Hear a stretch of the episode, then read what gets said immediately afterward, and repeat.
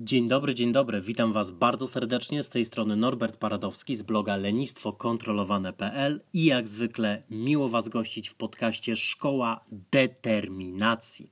A dzisiaj będziemy mówili o pracy. Temat nieco kontrowersyjny, ale posłuchajcie mnie. Uważam, że praca jako taka wcale nie jest wartością. I wiele osób słuchając tego może popełnić coś, co terapia poznawczo-behawioralna nazywa błędem myślenia. Terapia poznawczo-behawioralna określa kilkanaście błędów myślenia, ale w tym wypadku będziemy mieli do czynienia z tak zwanym błędem myślenia zero-jedynkowego. Błąd myślenia zero-jedynkowego zakłada, że widzimy rzeczywistość albo jako czarną, albo jako białą. Albo coś jest takie, albo takie nie jest. Czyli albo praca jest dla mnie wartością, albo jestem leniem śmierdzącym i praca nie jest dla mnie wartością. Lenistwo, obijanie się, brak odpowiedzialności jest dla mnie wartością. A to zupełnie w ten sposób nie funkcjonuje.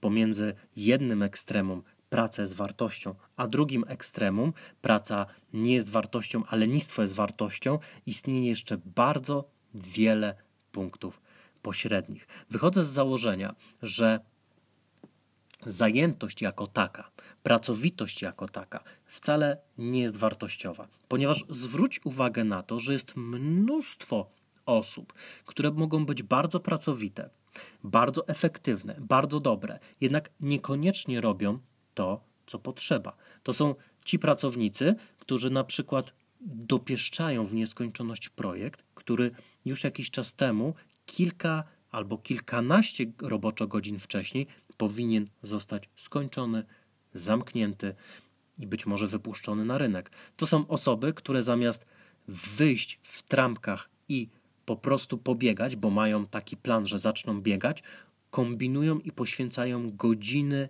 na research dotyczący tego, jakie buty do biegania kupić, jakiego rodzaju strój aerodynamiczny, czy potrzebują wody, czy nie potrzebują wody, a jakie jest optymalne tempo, jaka jest najlepsza technika.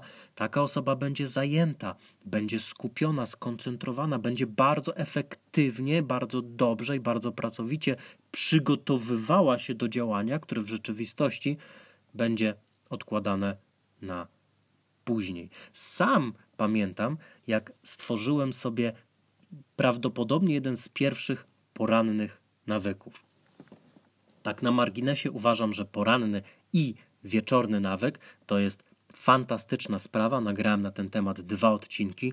Polecam Ci bardzo serdecznie. Możesz odnaleźć w podcaście Szkoła Determinacji odcinek o porannym i wieczornym nawyku.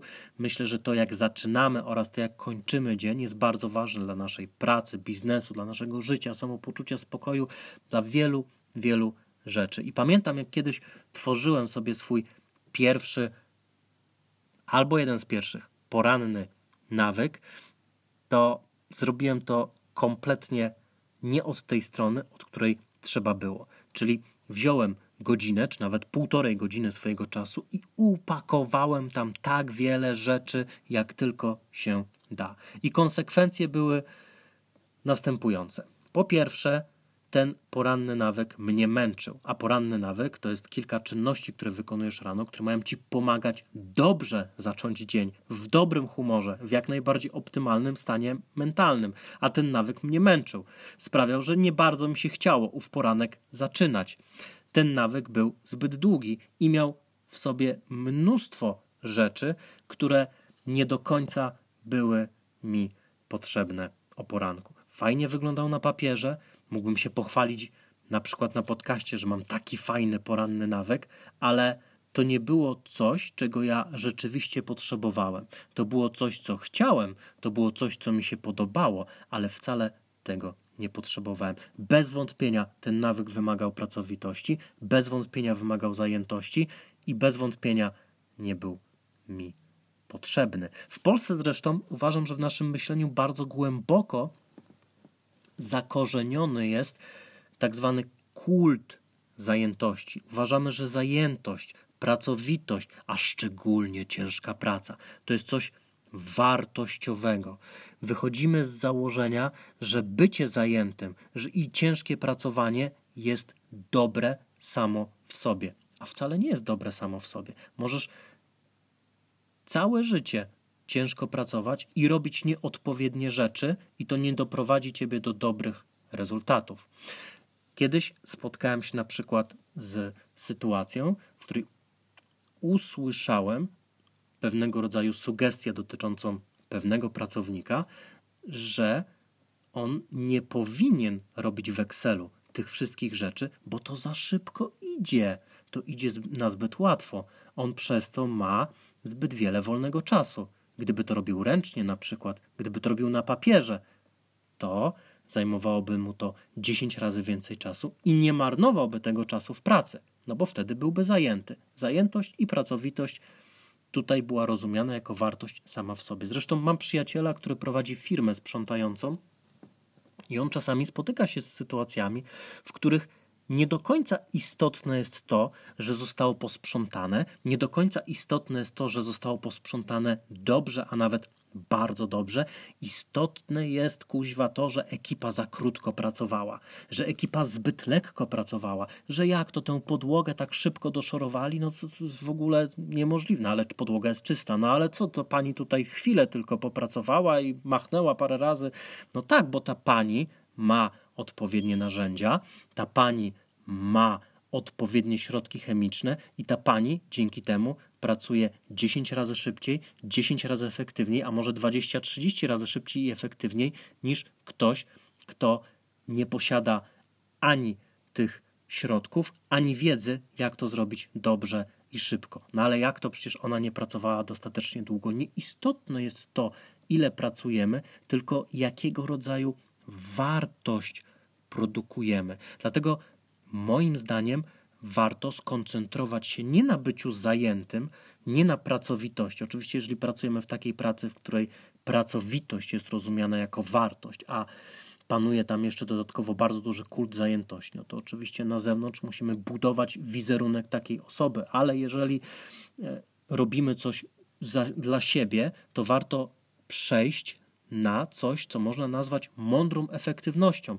Mądra efektywność zakłada następujące pytanie: czy ja chcę, czy ja realnie potrzebuję czegoś? Na przykład, ja mogę chcieć zrobić trening, który trwa dwie godziny, ale pytanie, czy ja realnie potrzebuję treningu, który trwa dwie godziny?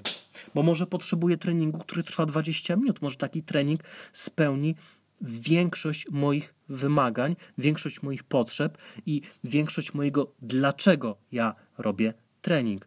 Mogę chcieć przeczytać nową książkę, co zajmie mi około 5 godzin, ale może ja nie potrzebuję teraz poświęcać dodatkowych 5 godzin swojego czasu i swojej energii na przeczytanie nowej książki, która oczywiście jakoś wzbogaci moją wiedzę o nawykach, o budowaniu determinacji, tych wszystkich rzeczach. Może ja potrzebuję poświęcić tylko jedną godzinę na to, żeby powtórzyć to, co już wiem i lepiej to wdrożyć. Na przykład w kontekście pracy bardzo często, szczególnie u przedsiębiorców mm, tego mniejszego formatu, nie obrażając oczywiście nikogo, to się objawia. Oni wszystko chcą robić sami. Mikromanagement jest absolutną zmorą polskich przedsiębiorców. Wszystko mają zrobić sami i wychodzą z podstawowego założenia, że oni i tylko oni, albo głównie oni, zrobią to najlepiej, najdokładniej, najrzetelniej, a to dla nich oznacza tylko jeden możliwy wniosek. To właśnie oni muszą się tym zająć. Zresztą nie dotyczy to tylko przedsiębiorców. Pamiętam, gdy zajmowałem się szkoleniami i współpracowałem z różnymi firmami, zdarzało mi się częstokroć spotykać pracowników tychże firm, którzy zarządzali innymi pracownikami i ustawicznie nimi mikromanagementowali, albo mikrokontrolowali, albo ciągle, nawet w weekendy, nawet w godzinach wolnych, musieli czuć, że trzymają rękę na pulsie. I teraz umówmy się, czasami jest to potrzebne, ale to raczej są wyjątki, aniżeli reguła. Takie działanie bierze się z dwóch przekonań. Przekonanie numer jeden, ja to zrobię najlepiej, a to nie zawsze jest prawda. Czasami ktoś, komu oddelegujemy naszą pracę, zrobi to paradoksalnie lepiej niż my. I przekonanie numer dwa, no muszę pracować, muszę być pracowity, moja praca musi być widoczna, muszę pracować lekko, a przecież jeżeli oddeleguję dane zadanie i po prostu będę miał więcej luzu, to nie będę dostatecznie pracowity, a ja mam być pracowity i zajęty, bo to jest wartość sama w sobie, a to jest bzdura moim zdaniem. Pracowitość wartością samą w sobie nie jest mądra efektywność polegająca na wybraniu sobie priorytetu i realizowaniu tego, co realnie jest nam potrzebne, a nie wszystkiego, co chcielibyśmy zrobić, to właśnie jest wartość. I oczywiście czasami trzeba docisnąć, zrobić więcej, mocniej, na przekór sobie, swojemu nie chce mi się, swojemu nie jestem w nastroju, po prostu działać i cisnąć. Jednak takie rzeczy warto robić pod warunkiem, że są to rzeczy właściwe, a nie są to rzeczy, które po prostu chcemy zrobić. Na tym właśnie polega mądra efektywność. Mądra efektywność wybiera zadania. Mądra efektywność skupia się na tym, co jest realnym priorytetem i na tym, co jest najbardziej potrzebne, a nie na wszystkim, co chcielibyśmy zrobić. Bo tak jak mówi Brian Tracy, rzeczy do zrobienia zawsze będzie więcej niż czasu, jednocześnie zawsze wystarczy nam czasu, aby zrobić te rzeczy, które są najważniejsze. Dlatego na ten tydzień życzę Wam i ogromnie życzę sobie, bo wierzcie mi, ten podcast jest także dla mnie. Życzę sobie mądrej efektywności, życzę Wam mądrej efektywności, dobrego tygodnia. Niech Was Bóg błogosławi. Wszystkiego dobrego, determinacji, powodzenia, realizowania postanowień i działania nawet wtedy, kiedy nie do końca macie motywację. Trzymajcie się, pozdrawiam, cześć.